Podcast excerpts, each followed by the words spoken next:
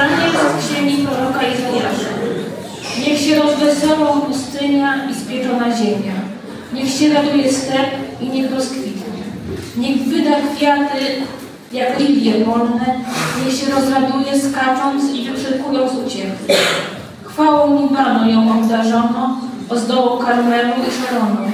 Oni zobaczą chwałę Pana, wspaniałość Boga naszego. Pokrzepcie ręce osłabłe, wzmocnijcie kolana omdlałe. Powiedzcie małodusznym, odwagi, nie bójcie się. Oto wasz Bóg, oto pomsta. Przychodzi Boża odpłata. On sam przychodzi, by was zbawić. Wtedy przejrzą oczy niewidomych i uszy głuchych się otworzą. Wtedy chromy wyskoczy jak jeleń i język niemych wesoło wykrzyknie. Odkupieni przez Pana powrócą, przybędą na Syjon z radosnym śpiewem, ze szczęściem wiecznym na czołach. Osiągną radość i szczęście, ustąpi smutek i wzdychanie. Oto Słowo Boże. Przybądź,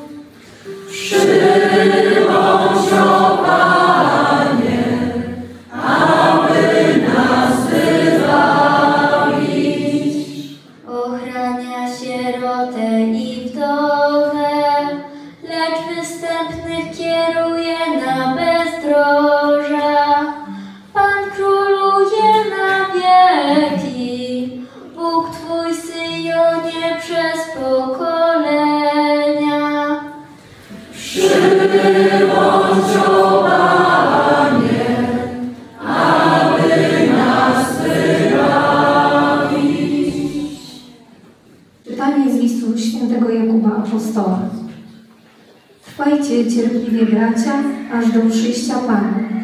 Oto rolnik czeka wytrwale na cenny plon ziemi, dopóki nie spadnie deszcz wczesny i późny. Tak i wy bądźcie cierpliwi i umacniajcie serca wasze, bo przyjście Pana jest już bliskie. Nie uskarżajcie się, bracia, jeden na drugiego, byście nie popadli pod sąd. Oto sędzia stoi przed drzwiami. Za przykład wytrwałości i cierpliwości weźcie bracia proroków, którzy przemawiali w imię Pańskie. Oto Słowo Boże. Duch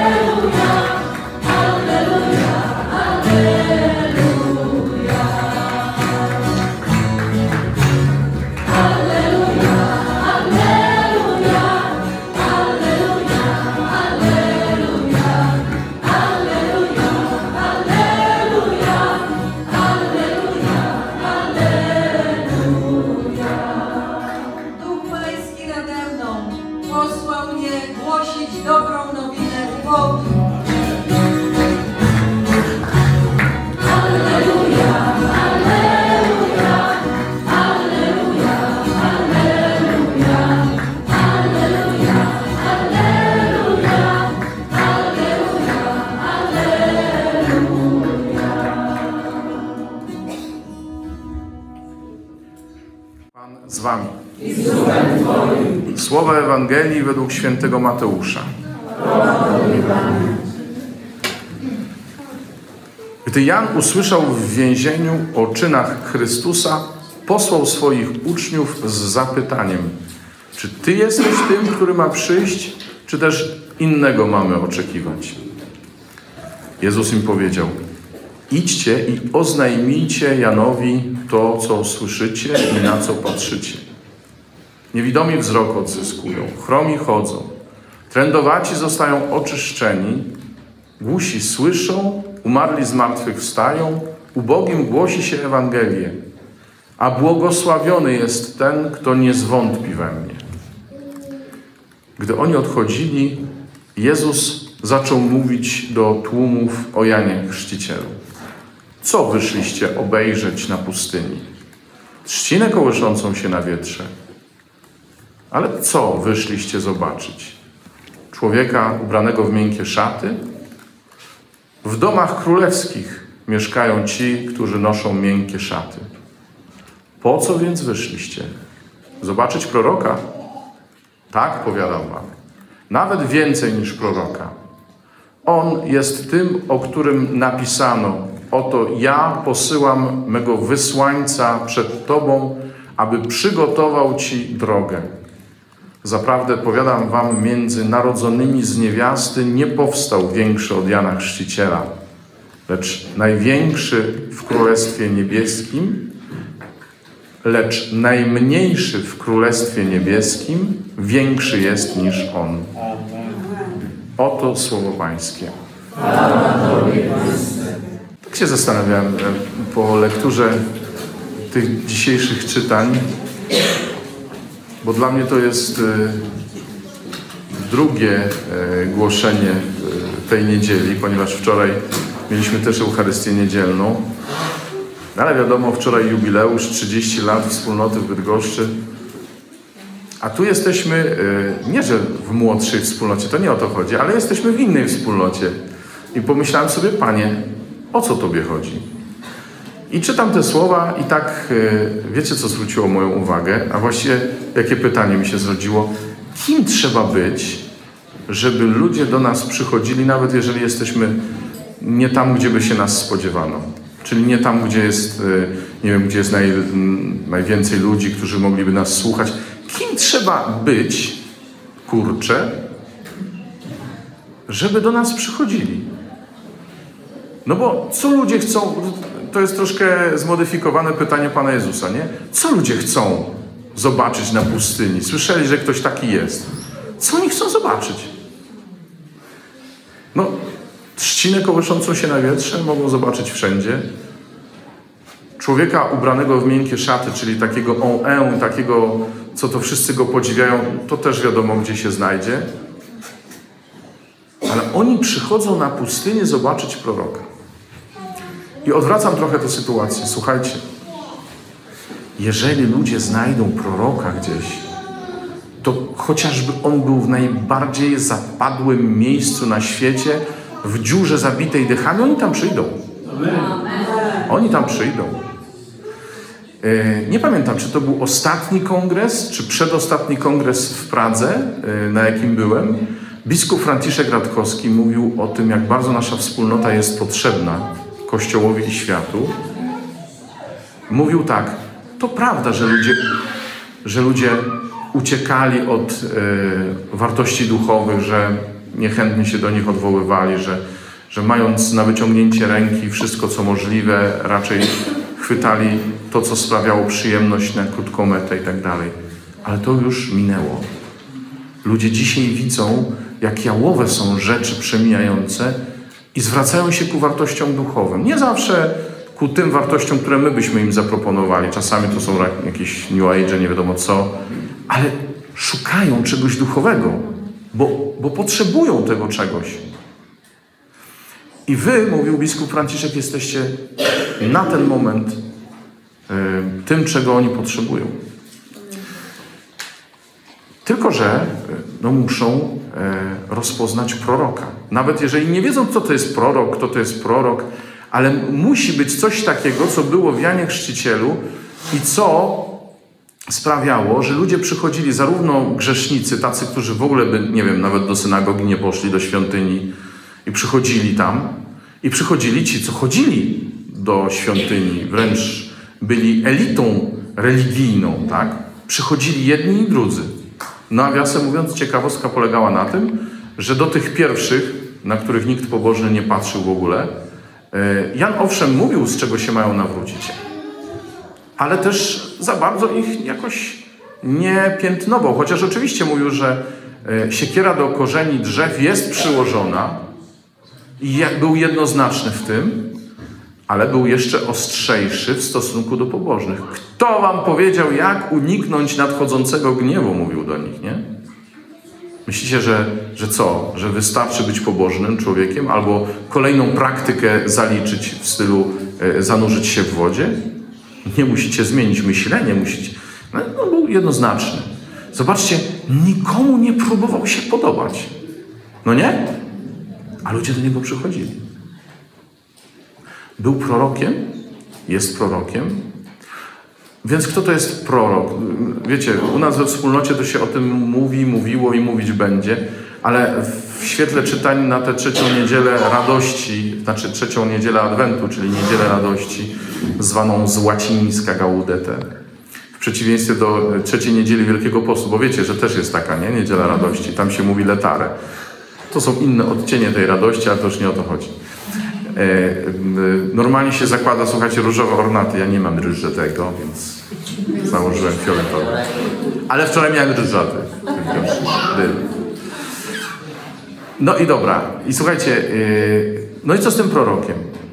Kto to jest ten prorok i właściwie e, kiedy ludzie do nas przyjdą?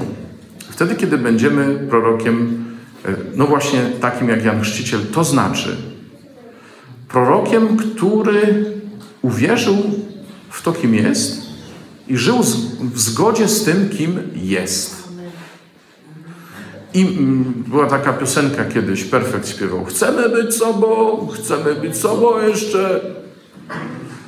Ja nie wiem, co tam chłopaki z Perfektu rozumieli pod, y, pod tym sformułowaniem. Ja wiem, że często ludzie mówią, pozwólcie nam być sobą. I e, okazuje się, że wtedy często chodzi o to, że pozwólcie nam robić to, na co w danym momencie mamy ochotę, bo to, to nas wyraża. My jesteśmy wtedy sobą, nie? No. My jesteśmy sobą, kiedy rozpoznamy to, kim jesteśmy. Bo ja na przykład, im dłużej żyję, tym bardziej rozumiem, kim jestem. Yy, Bo gdzieś my mieliśmy nasze korzenie, skądś wyrośliśmy i w jakiś konkretny sposób Bóg nas powołał. Mnie Bóg powołał z konkretnej rodziny, wcale nie jakiejś super nawróconej, tradycyjnie katolickiej, em, takiej, która się modli na swój sposób. Nigdy nie próbowałem moich rodziców nawracać z tej ich modlitwy, bo oni się modlą, nie? Ale gdzieś tam skądś wyrosłem. E, My we wspólnocie też wyrośliśmy skąd. Ta wspólnota też się skądś urodziła, na, na jakimś gruncie wyrosła. W konkretnym kościele, w konkretnych sytuacjach. E, Założyciel też jest elementem tej tożsamości. I to jest dla mnie sposób na to, żeby rozpoznać, kim ja jestem. I wtedy mo- możemy mówić, i to, to chyba Marta dzisiaj mówiła w czasie modlitwy, miała to, to słowo z tym obrazem o Marta? O tym, żebyśmy byli sobą. I że wtedy e, Pan położy taki żelazny most, przez który nas przeprowadzi. Ania. Okej. I słuchajcie, e, i my mamy być sobą, to znaczy mamy rozpoznać, kim jesteśmy, nasze DNA mamy rozpoznać, nasze korzenie mamy rozpoznać, bo e, działając doraźnie, tylko na bazie tego, co w danym momencie byśmy chcieli, to nie będziemy działać w oparciu o to, kim jesteśmy, ale w oparciu o to, czego nam się chce.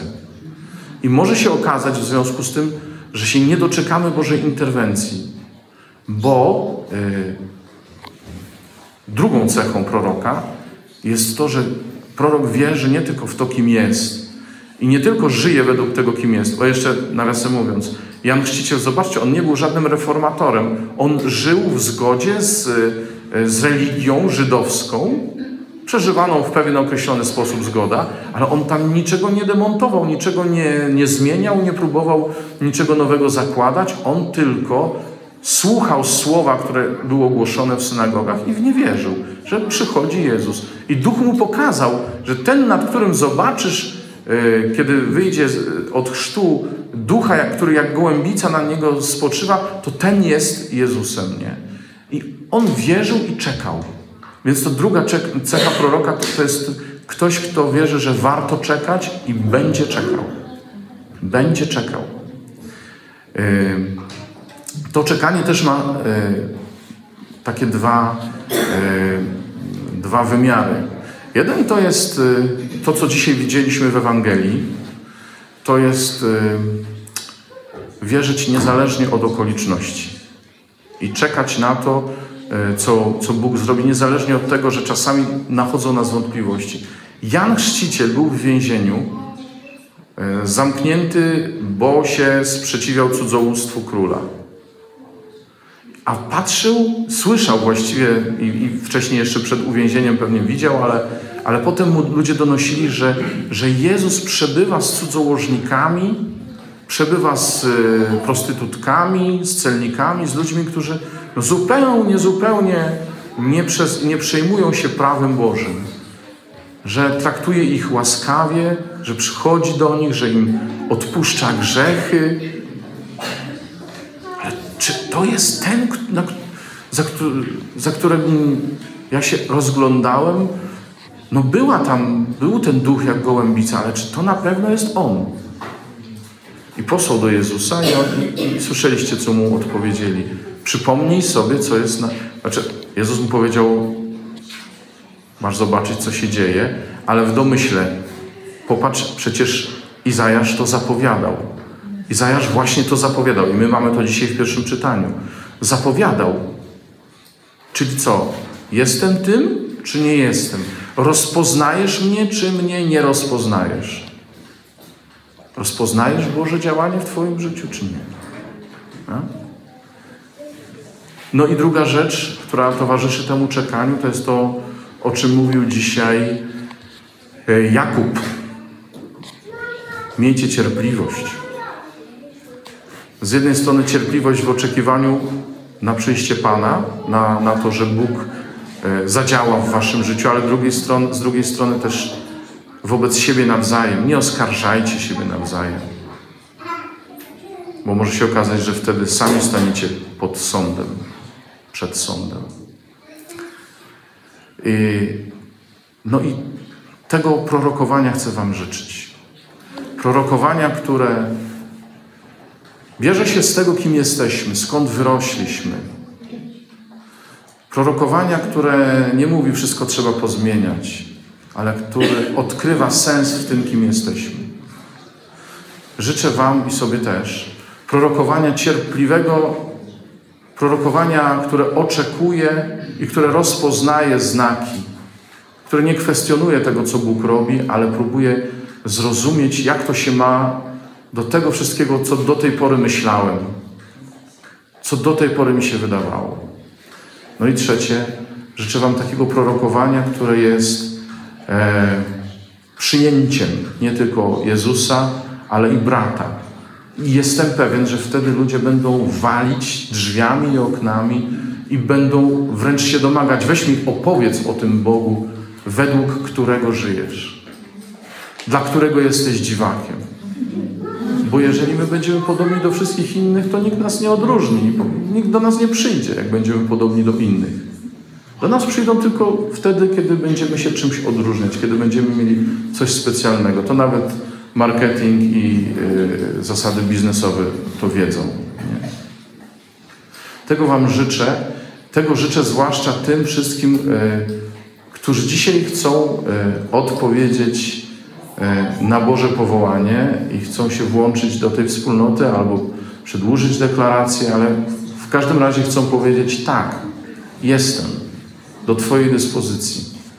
Wielkie uznanie, wielki szacunek dla Was. Zapraszam.